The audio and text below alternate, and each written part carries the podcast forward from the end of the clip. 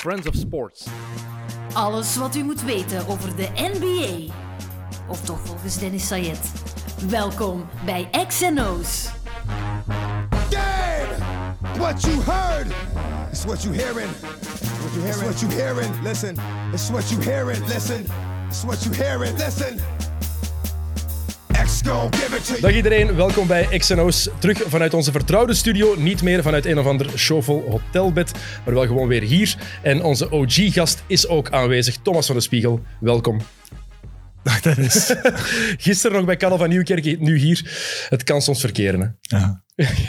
Ehm, de Olympische Spelen zijn bezig. De, het is een rare dag vandaag, want we moeten ergens heel trots zijn op wat de Belgische mannen gedaan hebben in het eh 3 tegen 3, 3-on-3 toernooi. Maar ze hebben wel ook een kans laten liggen. En het is gewoon ergens jammer dat er geen medaille is, want ja... Ze hadden 75% kans en het is de enige ploeg die nu geen medaille heeft overgehouden aan vandaag. Het is jammer, maar wat een ongelooflijk prachtig verhaal wel. ja, hadden we dit gezegd een aantal maanden geleden, dan had iedereen gezegd, maar Olympische Spelen voor die mannen, dat gaat nooit lukken. En als je dan ziet eigenlijk dat ze ook tegen de twee ploegen die de finale vandaag gespeeld hebben, dat ze daar eigenlijk ook al tegen gewonnen hadden eh, vroeger in het toernooi, ja, dan, dan moet je echt wel toch wel dankbaar zijn en trots dat ze, dat ze het zo ver gebracht hebben en dat ze iedereen toch wel eh, heel enthousiast gekregen hebben en eigenlijk een, een bijna nieuwe sport volledig op de kaart gezet hebben. Ben je daar ook zo van geschrokken als ik? Ik had niet gedacht dat het zo zou aanslaan. Dat, oké, het helpt altijd als een Belgische ploeg of een Belgische atleet succes heeft. Maar ik had nooit gedacht dat het zo populair zou zijn. En iedereen vindt het blijkbaar echt wel een tof format. Ook al ook mensen die niks met basket hebben. Ja, het is super laagdrempelig. Hè? Dus je, je hoeft helemaal al die regels, van basketbal is eigenlijk een heel moeilijke sport. Je hoeft dat allemaal niet te kennen. Want het is eigenlijk gewoon, ja, het is pleintjesbasket en het is heel makkelijk om volgen. Uh, en ook je hoeft niet stil te staan bij, bij fouten of bij, want uh, als je bij stil staat, ze zijn al terug aan het spelen. Dus het is, uh, het is helemaal anders. Het is echt een goed format. heel kort, heel intensief, met een heel eenvoudige puntentelling. Dus iedereen kan het makkelijk volgen. En ik denk dat het ook helpt dat je hebt geen tijd om op je gsm te zitten. Als je kijkt, als je naar een andere sport kijkt, altijd is op social media tijdens een time-out van een gewone basketmatch, maar daar, je moet blijven opletten, omdat het gewoon constant blijft gaan. Ja, maar van daaruit is het format eigenlijk ook gewoon ontstaan. Het is, een, het is een goed televisieproduct dat heel kort je aandacht vasthoudt, uh, waarbij dat je eigenlijk uh, constant daarmee bezig bent. Dus uh, het zit wel goed in elkaar. We hebben aan uh, luisteraars en kijkers gevraagd om vragen door te sturen. Jocke Wouters is er ook weer bij. Jocke, ja, hallo. Goeiedag. Terug op je vertrouwde plaats achter de micro. Eindelijk. Goeie vakantie gehad? Te kort. Altijd te kort. Maar kijk. Maar kijk, oké. Okay, um, jij hebt vragen verzameld. Ja. Dus um, ik moet zeggen, ik heb me niet voorbereid of zo, Thomas. Ik heb er geen tijd voor gehad. Jij ook niet. Dus... Nou, nu dat je natuurlijk een van de sterren van Sportza geworden bent, nee, nee, uh, snap, snap ah, ik dat. Gaan we, gaan we zo beginnen. Wie zat er gisteren bij Karel van Nieuwkerken? Ja, voilà, over sterren gesproken. Jokke, doe maar. uh, wel direct een vraag voor Thomas eigenlijk, van Jelle van den Triesje. Uh, of dat 3-on-3 iets voor u zou geweest zijn? Uh, pff, ik zou graag ja zeggen, maar ik betwijfel het. Alhoewel dat je vandaag toch bij de, bij de Russen ook zag dat een big guy dat dat wel kan werken. Um, maar eigenlijk zie je vooral dat de goede teams allemaal gebouwd worden rond spelers van uh, 1,95 tot 2 meter ongeveer. Allemaal small forwards, atletisch, snel. Uh, zodat je ook verdedigend constant kunt switchen. Uh, dat maakt het allemaal net iets makkelijker. Dus het is heel moeilijk in te schatten. ik speelde wel heel graag pijntjesbasket. Ik heb heel veel pijntjesbasket ook vroeger gespeeld. Heel veel pick-up gespeeld. dus ik vind het wel leuk dat het er heel erg op lijkt. Maar het is een, niet helemaal ver, vergelijkbaar door tempo natuurlijk. Bij de vrouwen heeft het wel een impact gehad. Team USA heeft gewonnen en Stephanie Dawson speelt daar. En dat is echt een, een typische oldschool center die wel een, een beetje een shot heeft, maar die wel effectief gewoon aan de blok gaat staan en het daar wil doen. Dus het kan wel werken, denk ik. Maar ik denk vooral dat het defensief moeilijk zou zijn.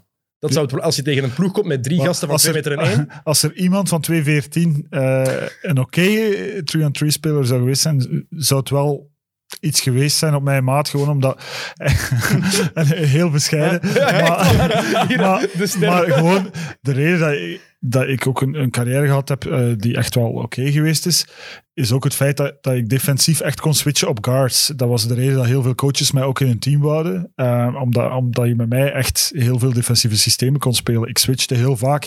Uh, het pick-and-roll tussen 1 en 5, tussen de spelverdeler en de center, werd bij mij heel vaak in heel veel wedstrijden gewoon een automatische switch. -hmm. omdat, omdat dat wel iets was dat ik defensief aankon en dat zou, in 3-on-3 zou dat wel kunnen werken. ik maar, zie nog één andere gast van 2 meter 14 die ik in 3-on-3 zou willen spelen laten spelen. Ja, ik ken er ook wel nog een. Kevin Durant. 213 volgens mij. Ja, of 213. Eh, Ja, die vraag trouwens ook, ik weet dat die gaat komen, dus misschien sorry dat ik hem al pak van je, Jokke, want ik heb hem ook zien verschijnen. Welke NBA-spelers je zou willen zien en vooral, zouden NBA-spelers dit meteen domineren? Ik denk met mits een inloopperiode, want het is echt wel heel specifiek, je mag dat echt niet vergeten. Mits een inloopperiode moeten we zeggen eh, dat, dat, dat die mannen dat, dat ook fantastisch zouden kunnen. Die spelen eigenlijk de, NBA en niet FIBA-regels, zoals nu op de Olympische Spelen, maar de NBA is eigenlijk gewoon eh, een beetje vergelijkbaar. Hè? Eh, heel veel ISO, eh, heel veel jumpers over de verdediger. Dus op zich denk ik van wel. Alleen heb je toch wel een inloopperiode nodig om die inspanning ook gewoon te worden. Dat is een heel specifieke inspanning. Je zag dat nu ook in die wedstrijden van 10 minuten, na 3, 4 minuten. Dan zie je iedereen echt naar adem happen, zie je het niveau ook naar beneden gaan. Dus de- totaal onvergelijkbaar met traditioneel basketbal. Maar ik denk wel, ook zonder voorbereiding zet daar nu de grootste namen. Stephen Curry, Kevin Durant, LeBron James. Ja, die verpletteren die competitie. Hè. Ik denk wel dat dat gewoon puur het individuele talent, dat dat gewoon zo goed is. Ja, Dat je daar gewoon niet tegenop kan, puur daarom. ook omdat het gewoon heel veel one-on-one is. hè. Ja, voilà. Dat is een spel. Oké, Jokke? Ehm, ja, want dat is dan ook een vraag of dat die mannen van 3-on-3, of dat die nu ook gaan mee kunnen. Allee, zouden die contracten aangeboden krijgen voor Maar mogen niet vergeten, die eerste mannen, klasse teams? die mannen hebben al in eerste klasse ook gespeeld. Hè. Ik denk dat we dat... Dat wordt vaak een beetje vergeten. Nick Celis bijvoorbeeld heeft bij Limburg United gespeeld. Is daar weggegaan in tweede klasse gaan spelen omdat hij zijn notarisopleiding verder ging volgen. Heeft net een maand bij Kangaroos Mechelen gespeeld. Thierry Marie bij Okapi Aalster. Dat is geen succes geweest. Is daar amper van de bank gekomen. Die Bovenvoort, jeugd van de Giants voor een deel. Dat is nog een jonge gast. Die heeft een two-way contract gehad, gehad denk ik, bij... eh, zat Leuven ook. Bij Leuven heeft hij ook gezeten. En bij Leuven heeft hij... Bij Leuven heeft hij gezeten, inderdaad. Bogaerts ook bij Leuven. bij En Bogaerts ook bij Leuven gezeten. Dus het zijn mannen die wel een kans gehad hebben, maar ja, die nooit echt doorgebroken zijn. Langs de andere kant, in de eerste klasse in België, Belgen worden ook vaak gezien als meer roleplayers. Dus hebben ze de kans eerlijk gekregen. Dat is een beetje een moeilijke Ja, oefening. en eh, dit project loopt ook al 7, 8 jaar, denk ik. Het 3x3-project. Ik denk dat Thierry Marien en, eh en Nick er al zo lang mee bezig zijn. Die, die shift en die focus zijn echt al een paar jaar een stuk verschoven naar, naar, naar dat 3 tegen 3. eh, wat dat eigenlijk wel, eh, wat eigenlijk wel normaal is. Eh, nog even terugkomen op eh, daarnet, omdat we het hadden over uw lengte. Eh, David de Porter vraagt zich af of dan een big man het niveau van de Lions nog naar boven zou tillen. Of dat ze toch niet iemand nog een, een grotere speler Maar ik denk dat het er ook van afhangt wat voor grote speler. Hè? Je hebt een traditionele big man, maar als je een gast hebt van 2 meter en 6, 2 meter en 7, die ook nog eens bewegelijk is, als we die ooit zouden hebben, dan gaat het een wereld van verschil maken. Hè? Hoe groot is Doncic? 2 en 4? Ja, maar wat je wel niet, ja, maar wat, je wel niet mag vergeten is die 12 seconden shotklok. Laat ook niet heel erg toe om te gaan opposten. Eens die bal naar binnen gaat, moet je eigenlijk al je move maken. Want eh, op het moment dat je je move begint te maken, is er geen tijd meer om, om die bal terug naar buiten te spelen. Dus dat is helemaal anders. Eh, Maar het maakt ook weinig uit. Als je zag, want je zei het daarnet al, na drie, vier minuten ging het niveau naar beneden. Ja, er zat, het was fantastisch om te zien, leuk concept, maar er zat ook heel veel afval in het spel. Hè? Dat is geen, Ja, maar dat dat is geen negatieve... dat gaat blijven omwille van het format. Daarom, dat wil ik zeggen. Dus dat hoort er ergens bij, denk ik ook. En als je kijkt, die Karpenkov van Rusland vandaag, ja, als hij de bal inside kreeg, er viel weinig aan te doen, behalve die dan gewoon, ja... Ja, maar ze verliezen wel. Eh, en dat heeft ook te maken natuurlijk met, met die overgang. wat heel specifiek is, is de overgang van, eh, van, aanval, van offense naar defense. eh, waarbij big men toch altijd net iets trager zijn. Eh, En dat, dat is super belangrijk dat je daar altijd onmiddellijk bij bent. Want eh, iedereen kan shotten, eh, iedereen kan driven. Dus als big man het is niet zo evident hoor. Het is belachelijk vermoeiend. Echt iemand die ooit... Ik werd er moe van van naar te kijken. Echt? Ja, ja, maar omdat iedereen die ooit gebasket heeft ook... Want ik kreeg die, vaak, die vraag vaak... Van, eh, hoe, hoe lang bestaat dit nu? Is dit nieuw? Van, nee, dit hoort al... Ik kan mij geen basket herinneren zonder 3 tegen 3. Vanaf de jeugd, dat speel je op training. Ik Dat is wel, wat je- ik, ik wel nog.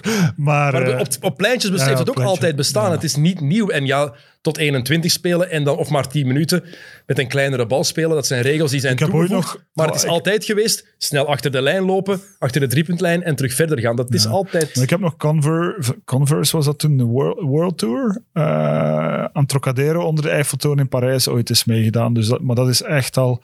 en Dat was toen ook 3 on 3 En toen is het even weg geweest, hè, omdat de grote sportmerken er echt niet meer op inzetten. eh, zoals ze een bepaalde periode deden. Maar ik ben nu echt aan het denken, dat was halfweg de jaren 90 ongeveer. En dan is Adidas gekomen en die zijn daar terug Ja. op beginnen inzetten. En dan eh, eigenlijk de vorige secretaris-generaal van FIBA had die droom van dat Olympisch te maken. Ehm, en, en dat is dan gelukt op een bepaald moment. En dan is dat echt eh, ontploft. En het is ook super populair, vooral in Azië. Eh, ik heb echt al beelden gezien van wedstrijden waar duizenden mensen rond, rond die court staan. Ehm, ja, het is echt wel... eh, het heeft een hele hoge vlucht genomen nu, ook omdat het Olympisch geworden is Mhm. natuurlijk. Eh, ja, want dat was ook nog een vraag die veel terugkwam. Waarom spelen die met een kleinere bal? Omdat ze zo willen stimuleren dat er meer tricks kunnen gebeuren. Het is gemakkelijker. Hè? Een kleine bal kan je gemakkelijker palmen gewoon, Mhm. kan je gemakkelijker in je hand houden. En zo meer dunks willen stimuleren. Hebben we niet echt gezien op deze spelen, maar dat is het... Ja, Vervoort een paar keer, hè? ja maar dat is het idee daarachter. Altijd met twee handen wel. Nooit, Het idee is dan dat hij de bal gemakkelijker kan palmen. Het is wel hetzelfde gewicht. Hè, ja, hetzelfde gewicht wel. Puur het vorm, eh, de, de size is die van een vrouwenbal. Is een zes, hè? Een 6. Ja. Ja. en normaal spelen mannen met een 7. En de voetbal is een vijf, Is dat een 5? denk het. Eh, ja, en ook de, de maat van de kleinmannetjes. Die spelen ook met een vijf. Ja. Ja, dat is heel mini, een drie. Ja. Dank u, Sam. Sam Kerkhoff zit er ook mee Ja. te luisteren. Dat was een mooie bijdrage. Eh, nog een interessante vraag van Mathieu Alderson. Ja, die merkt ook op dat er een groot verschil is tussen de, de traditionele basketballanden, eh, de Amerika, eh, Spanje, Argentinië, dat die dan niet meedoen met 3-on-3. Ai, bij de mannen... niet geplaatst, eh, vooral duidelijkheid, niet geplaatst waren. Ja. Want Amerika is wel eh, wereldkampioen. Trouwens, met Damon Huffman, eh, de broer van Trevor, Trevor Huffman. Ja. Die, Damon heeft ook nog in Aals gespeeld. Die zijn vorig jaar in Amsterdam wereldkampioen geworden. Of twee jaar geleden, want Twee vorig jaar geleden, was er niks. Daarom, je zegt het al. Ja, is de regerende wereldkampioen wel, ja. USA. Dus die, maar die zijn niet in geslaagd van zich te plaatsen. Hoe komt dat ook? Omdat dat format, als je je start mist, dan kan het echt zijn dat je, dat je er onmiddellijk eh, een achterstand oploopt die je niet meer kan goedmaken, omdat het zo snel vooruit gaat. Dus het is altijd, dat zag je ook in deze wedstrijd, het is altijd super close. Eh, vandaag, door vermoeidheid onder andere, waren, waren de verschillen wat groter, maar heel veel close games. En dan riskeren zelfs toplanden om er niet bij te geraken. Wat je ook heel vaak zag, is dat toplanden, zeker twee, drie jaar geleden, dachten van we gaan eens een hele goede traditionele basketbalspelers uit 5 tegen 5 halen uit ons nationaal team. En we gaan die eens inzetten. En die kregen slagen langs alle kanten, omdat die dat gewoon echt niet gewoon waren. Je moet het wel een paar keer gedaan hebben. Ja, Dus- je moet er echt op inzetten. Eh, ik heb geen vragen meer eh, over eh, 3-on-3. Oké. Ja. Wil jij nog iets over zeggen? Over 3-on-3? Pff, Ik kan er nog heel lang over doorgaan. Eh, Ja, je hebt geen uur tijd vandaag, Thomas. Dus... nee, nee, ik heb niet veel tijd. Ik vind het Ja. mooiste dat ik daaraan vind aan 3-on-3 is ook dat ze samen opwarmen. Ja, Ik vind dat heel tof wel- om te zien. Ja. Dat is ook niet opwarmen, Dus- hè? Ja, nee, oké, dat is niet echt opwarmen, maar dat is echt nog meer zo dat pleintjes. Ja, dat is echt 30 seconden, dat die een paar layups doen, snel die een bal, een shotje pakken. Ik vind Vraag me dat eigenlijk af. Die moet ook een veldje Die daarnaast gehad hebben. Ja, die moet hebben ook opgewarmd. Eh, ja, ervoor, ja. En niet samen. niet samen.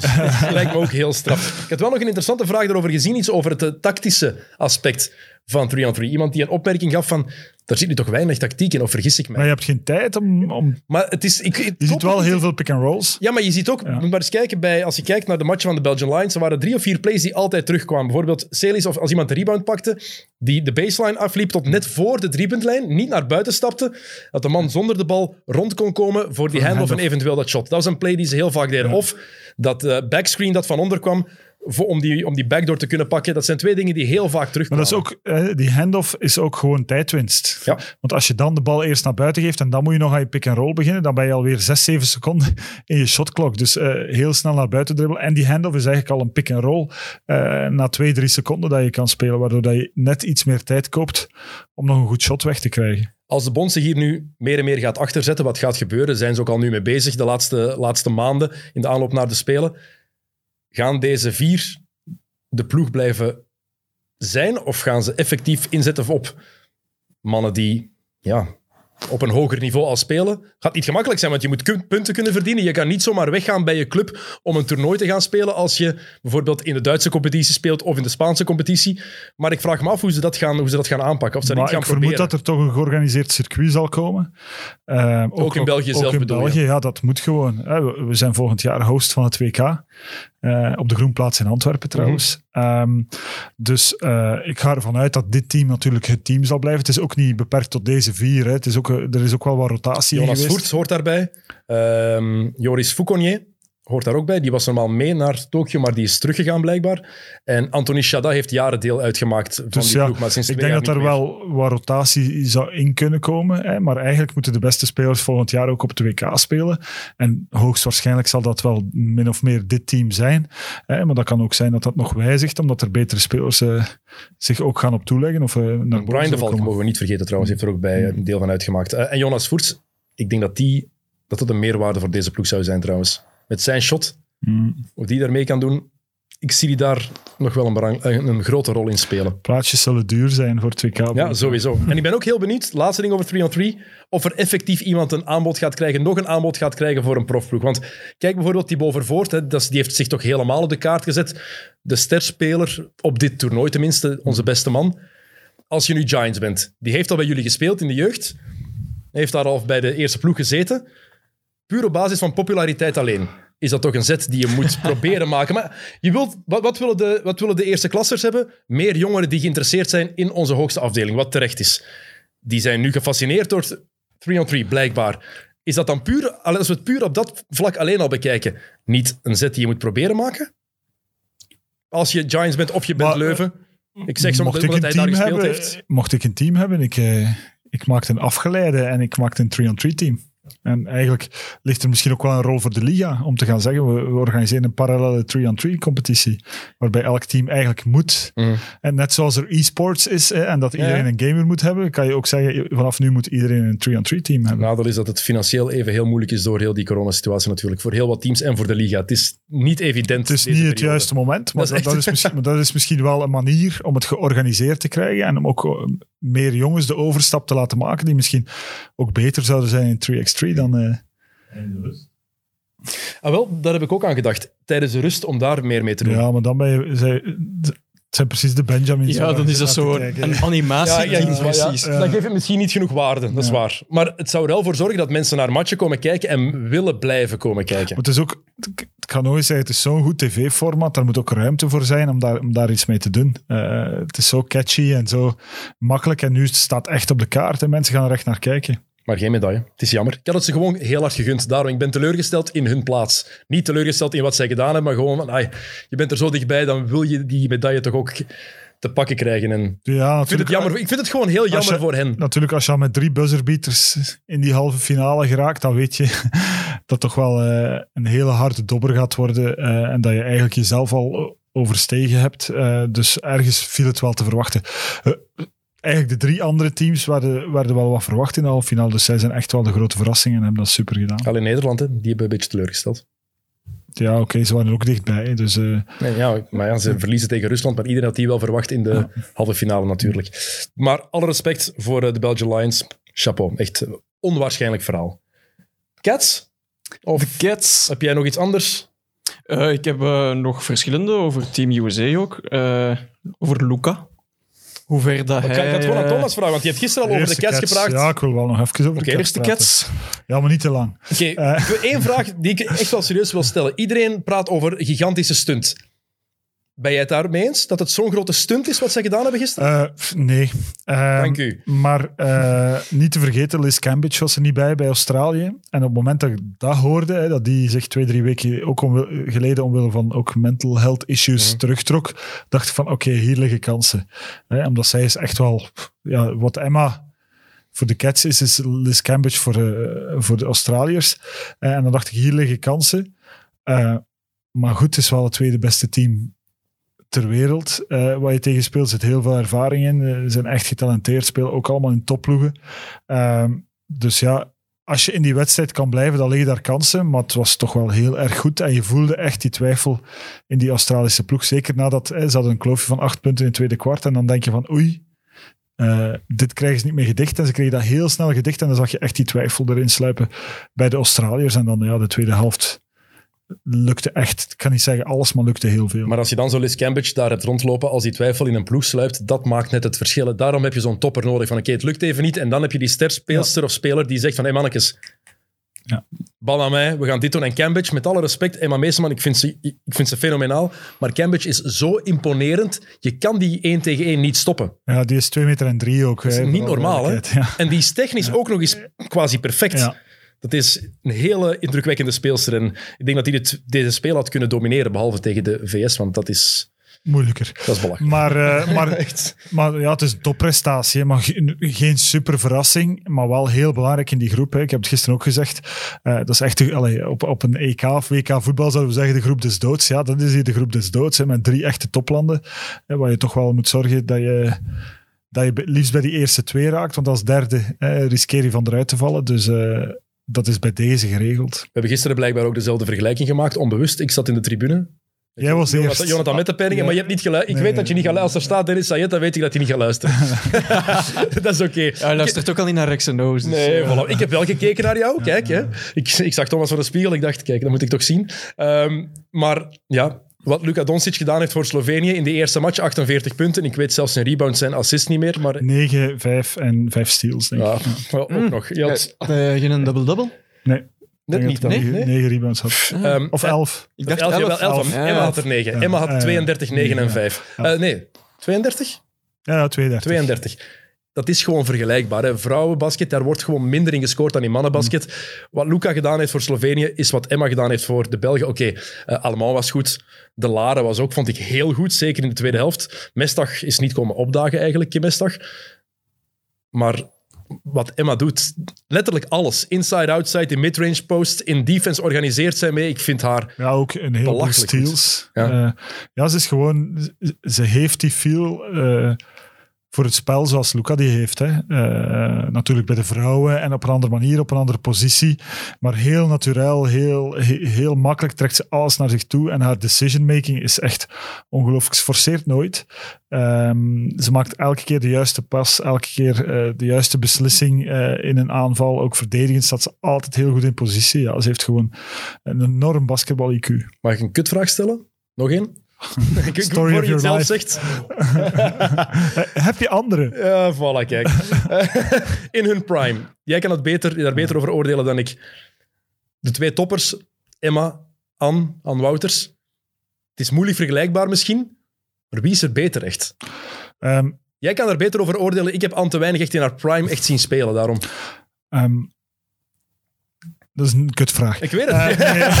ik zei het op Nee, voorhand. nee, nee. Maar Emma, Emma is getalenteerder voor mij. Emma heeft meer. eh, maar wat niet wil zeggen, aan haar impact op een team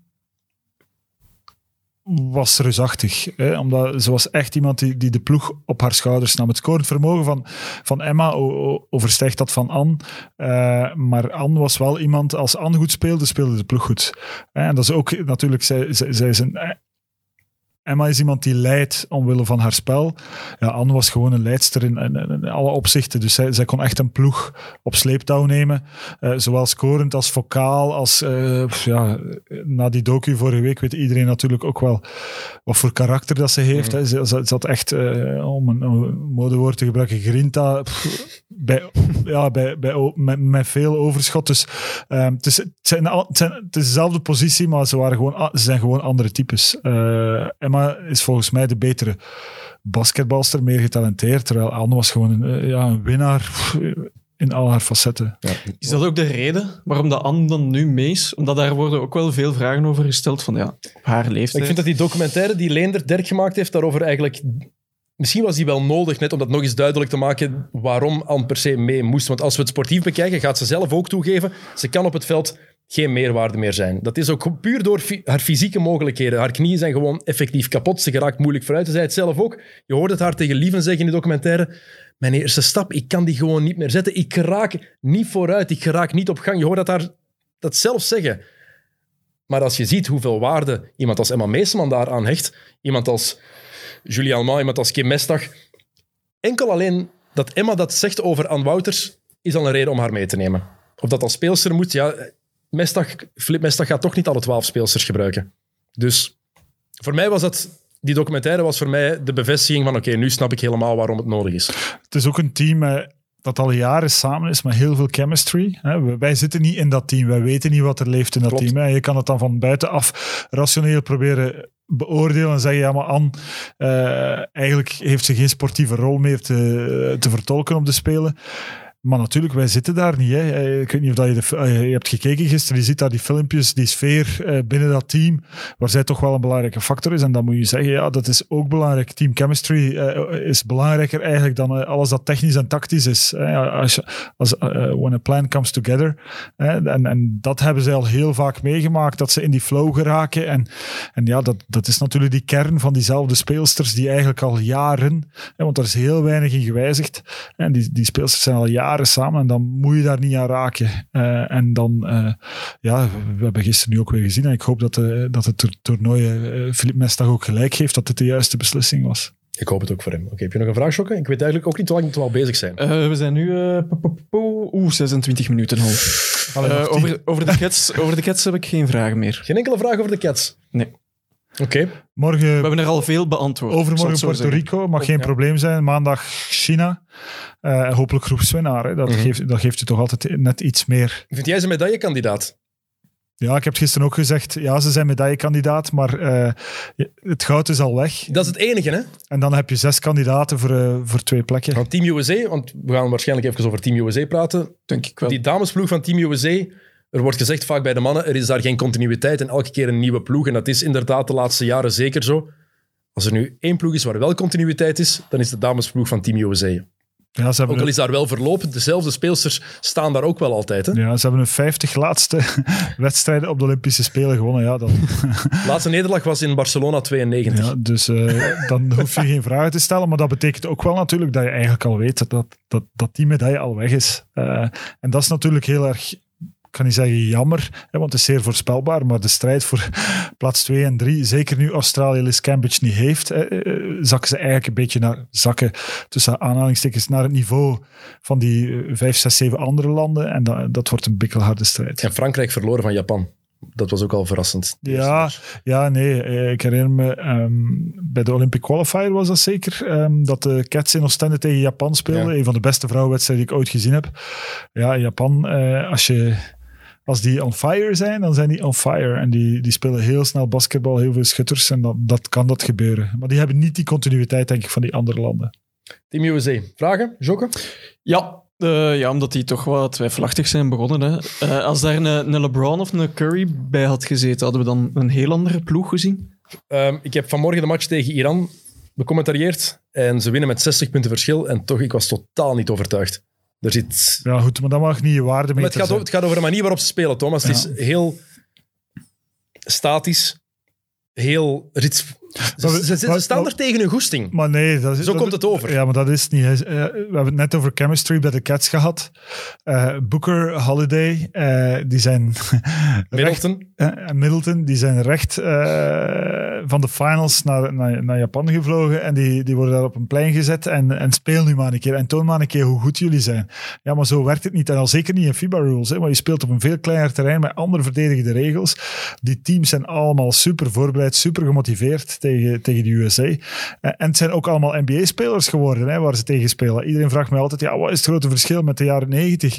Ja, toen waren de Europeanen waren geen NBA-spelers. Nu, als je kijkt naar Frankrijk, ja, die jongens die kijken daarnaar en die denken van, ja, dit zijn de mannen waar we tegen, in, Ja, het niet seizoen, onder de indruk. in het seizoen ook tegen spelen. Hè. We gaan er gewoon voor. En dan neem je twee vervangers mee, want Kevin Love en Bradley Beal zijn uitgevallen. En dan kies je voor Keldon Johnson, jonge gast. Oké.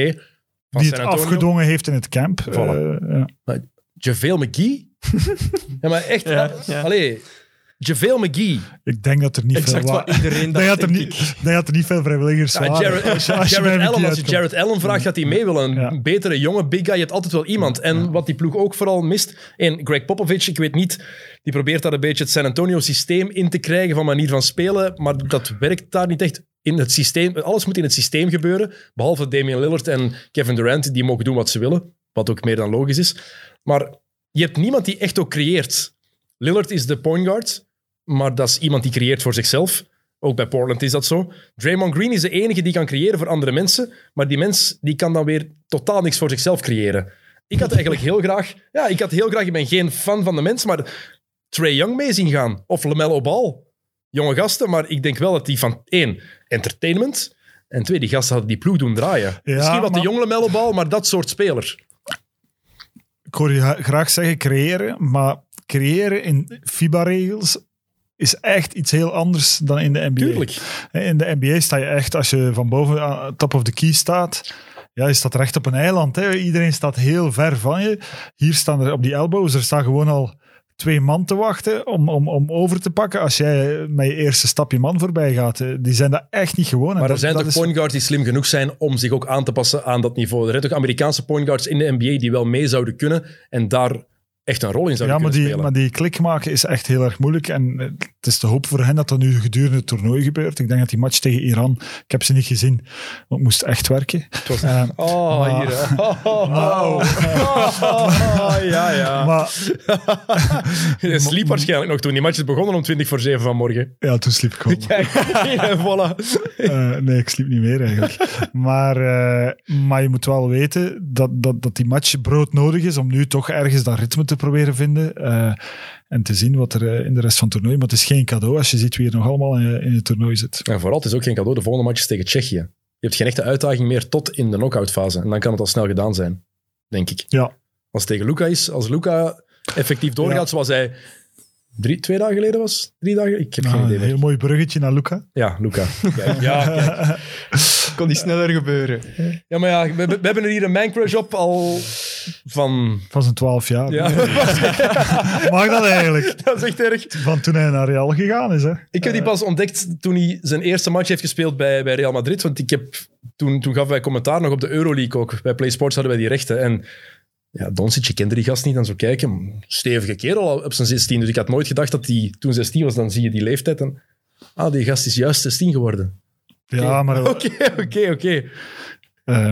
Ja, daar werd al over gepraat sinds hij 11, 12 was, omdat hij altijd één of twee categorieën hoger speelde. Eh, omdat hij begon te dunken toen hij 13 was. Ehm, en omdat hij, ja, hij speelde dan eh, eh, de Spaanse bekerfinale of zo. En dan maakte hij 80 punten.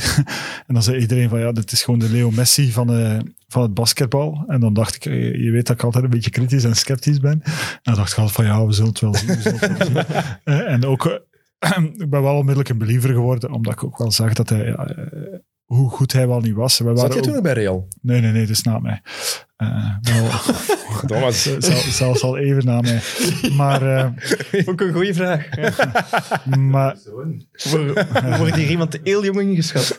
eh, Shots fired. Mooi. maar, eh, maar goed, eens, eh, eens hij vertrokken was, zijn we ook believers geweest. Ik was ook believer toen hij gedraft werd. Eh, Mhm. Veel mensen zeiden, oh, we willen het wel nog zien. Het is niet omdat het in Europa lukt, dat het eh, Ja. de NBA gaat lukken.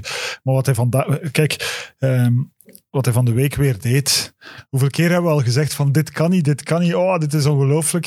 Dat we soms zitten in de zetel op zondagavond eh, teksten eh, onder elkaar van eh, zet nu je televisie aan, want Luca, het is weer niet normaal. Het is weer begonnen. Ja, en deze week was het opnieuw zo, hè, dat je denkt van waar gaat dit stoppen? Want deze week zag ik weer dingen waar hij de eerste helft, denk ik, 1 of 32 punten maakte. 31 Ja. punten, ja. Eh, beslist hij de tweede helft van nu ga ik eens beginnen passen.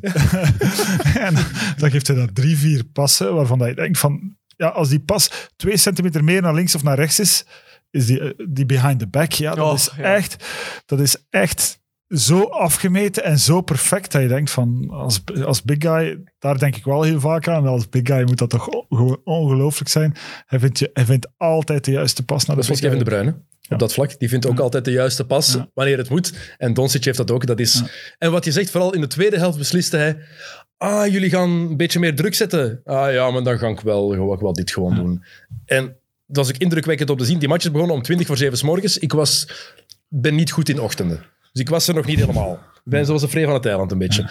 Tot aan de middag is het heel moeilijk. Maar ja, nu geen keuze ook.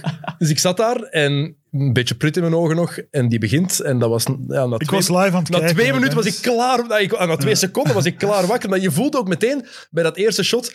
Ah, Luca heeft er goesting Het in. enige dat ik jammer vind, is dat hij, heeft zichzelf waarschijnlijk vervangen op een bepaald moment. Dat hij niet voor 50 is gegaan. Nee, 55 is het Olympisch record van Oscar Ik Schmidt. vond dat ook. En hij ging dat echt gehaald hebben. En ja, Heb dat je is... gezien hoe rood zijn hoofd was?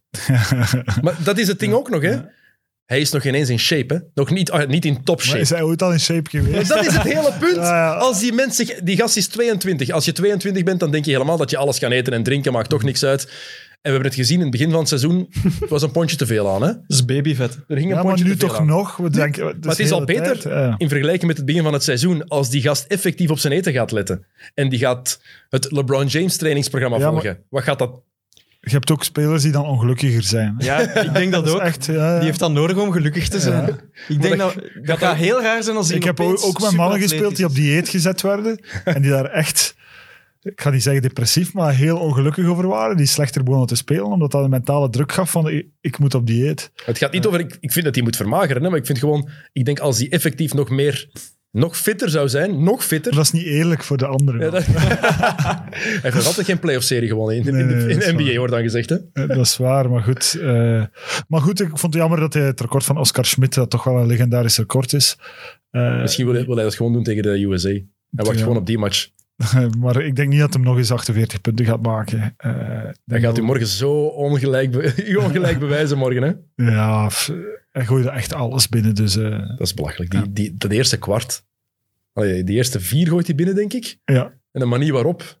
Die Maar- stepback. Het ziet er ook allemaal zo gemakkelijk uit. Het is echt soms zo van... Het ziet er er, uit. Ja, hoe kan het er zo gemakkelijk allemaal Het ziet er vooral... Ik denk elke keer bij, als ik, met die stepback, doet die stap naar links.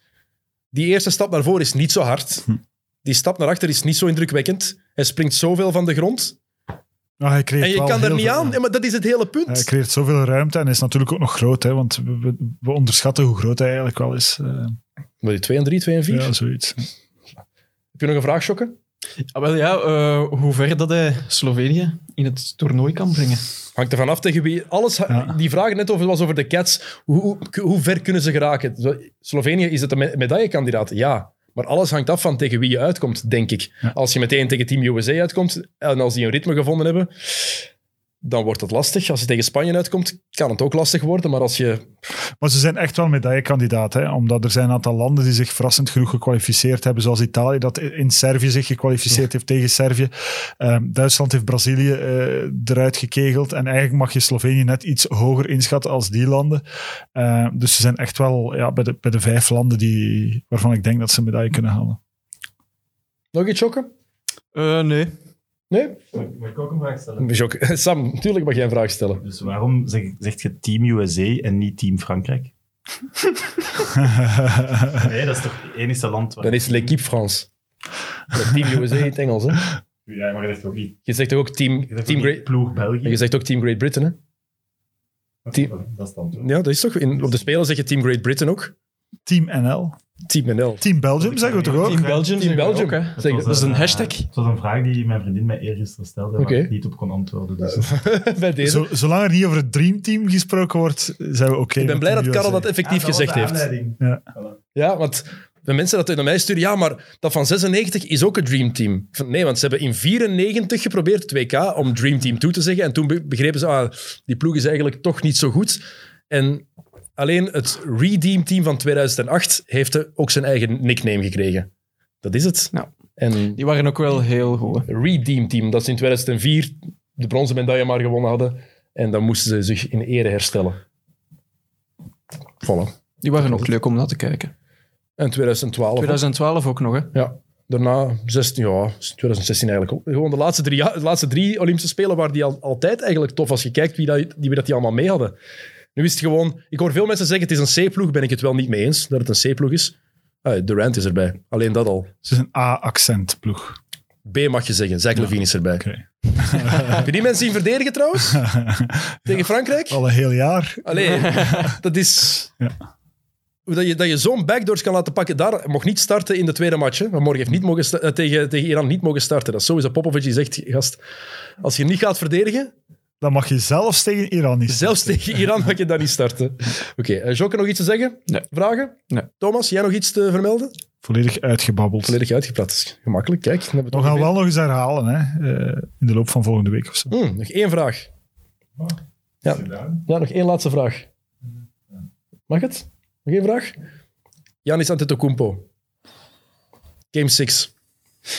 Ja, we hebben nog niks over de... Nee, daarom. Nog één ding, nog één ding gezegd. zeggen over de NBA Finals. We hebben niks over games, nog niks over Game 6 gezegd in deze podcast.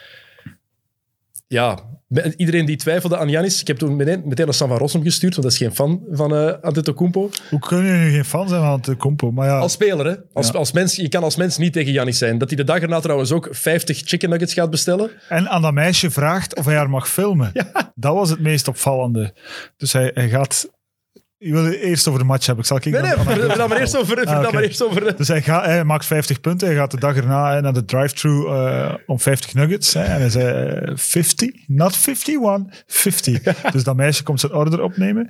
En hij heeft echt de decency, hè, de beleefdheid, om te vragen. Wat, hij is, hij is eh, Insta live aan het doen of zo. Hij is live. Hè. Hij zegt eh, 150.000 people are watching. Waarschijnlijk eh, een kleine overschatting. En dan vraagt hij echt van, is het oké dat ik jou film? In deze tijden waar eigenlijk iedereen alles filmt, heeft hij echt de beleefdheid, maar echt heel nederig van te vragen aan dat meisje dat zijn order opneemt, die echt, denk ik, geen idee heeft wie hij is. Eh, Wat het veel erger maakt. Van mag ik jou mee filmen? Dat vond ik fantastisch. Maar komt dat niet omdat die dat zelf ook altijd meemaken? Dat die zoiets hebben van, ja... Ja, maar dan ook zouden veel mensen dat niet doen. Heel veel mensen, die, heel veel sterren, die zouden het denken. Ik ben wel...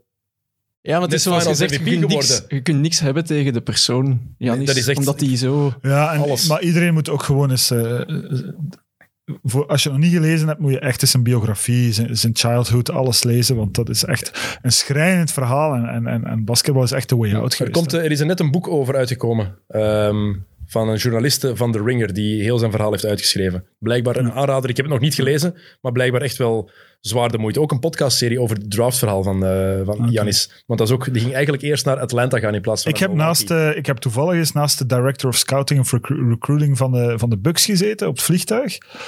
Op een Europese vlucht, ik weet al niet meer naar waar. En die heeft me toen het hele verhaal verteld. En, eh, en hij, ja, hij, hij, hij is natuurlijk eh, heel erg gerespecteerd voor die ene pick. Omdat hij, Tuurlijk. omdat hij de enige was die de moeite gedaan had om tot in Griekenland, eh, in A2, hè, in tweede klas in Griekenland, te gaan kijken naar Janis. En te zeggen van die moeten we absoluut De hebben. Hawks waren er ook. Moet je maar eens luisteren, die podcast. De Hawks waren er blijkbaar ook heel hard mee bezig. Want Giannis zegt zelf dat hij eigenlijk dacht dat hij door Atlanta gedraft ging worden. Maar Milwaukee was iets sneller. Daarna hebben ze wel nog Tom Maker. Game 6, Gedraft. ongelooflijk trouwens. Hè, 17 op 19 vrijworpen ook, niet te vergeten voor hem. Ehm, dus eh, ja, je kan echt niet meer ontkennen, maar wij hebben dat ooit voorspeld. Hè. Eh, heb je, eh, maar ook nog getekst hè, dat, dat hij de next best, best thing was. En, en dat, dat is nu ook gebleken. En toen was het nog niet het geval. Het was lang geleden. Toen waren we nog... eh, weet toen, ben je, was je een commentaar beginnen geven bij ons, Ja, denk ik. Dat is al een hele al- tijd ja, geleden. dat is al een jaar Ehm, drie, maar- vier geleden. Dus- Mensen moeten ook gewoon stoppen met, omdat hij lang en... Ah, hij is smal. Hij is niet smal, maar... Maar hij heeft het spel eruit gevonden opnieuw. Hè. Maar mensen Dus- vergelijken hem met Kevin Durant. Stop hem te vergelijken met Kevin Durant. Het is een totaal andere speler. Hij, die, Giannis domineert, heeft skills. Niet zoals een KD, maar domineert fysiek. Hm. En ik vind de vergelijking met Shaq helemaal kloppen. Het is helemaal anders, maar toch ook hetzelfde. Ja, helemaal eens. Voilà. Goed, ik heb ook nog een uitsmijter. Ik heb gisteren gelezen, maar jij gaat dat weten, dat er op Netflix eh, een Untold docu komt op 8 augustus van de Malice at the Palace. En ik kan niet wachten om het te zien. Ah, wel, ik heb dat ook pas net gezien. Ah, voilà. Ik Ja. heb dat gisteren gelezen. Ik er- at the Palace, Ah. het eh, legendarische gevecht tussen de Pacer- Pacers en de Pistons. Oh, echt? Eh, Ook in België. ja, ja, Netflix dat is dan vaak... 8 augustus, ja, ook in België. Amerika. Untold. Ja, dat is echt, ik ben er heel benieuwd Oef, naar. ik kan niet wachten. Echt, dat is het zotste. Maar die beelden nu ook op YouTube zijn te slecht van, van, eh, van kwaliteit, kwaliteit, ja. dat NBA alles heeft verwijderd. Hmm. Dus die match wordt ook nooit meer heruitgezonden. Dat is zo het, de zwarte vlek in de Ik wil NBA-geschiedenis. die hele reconstructie horen. Ja, ik ook. Thomas, dikke merci om tijd te maken. Eh Jocke, bedankt. Sam, bedankt voor uw bijdrage. Ik bedank u voor het kijken en luisteren. Bedankt ook aan de mensen van Bounceware nog eens, die eh, onze ehm, winnaars van de prijzen... Moeilijk, ik kan niet meer praten. Dat De cadeaus van de Kijk, winnaars. die de shirts hebben bezorgd voor de prijswinnaars, die komen nog uw richting uit. Ik ben nog maar net terug in het land, maar die komen eraan. Eh, de winnaar van het Steve Nash shirt, ik ben de naam vergeten, maar in de vorige podcast, waarin we die hebben weggegeven, hebben we dat gezegd. Ik weet niet meer welke podcast dat was. Ik denk met Brian Lynch. Ja, met Brian Lynch. Beluister die nog eens. Ehm, en contacteer ons. Als dat niet gebeurd is voor de volgende opname, dan zoeken wij een nieuwe winnaar voor het Steve Nash shirt. Of gaat hij naar we gaan een nieuwe winnaar zoeken. Dus contacteer ons. Ja, je moet eerlijk, moet eerlijk zijn. Hè. Eh, contacteer ons, dan krijg je dat shirt nog opgestuurd. En dan is dat van u. Voilà, dat was het. Tot de volgende keer.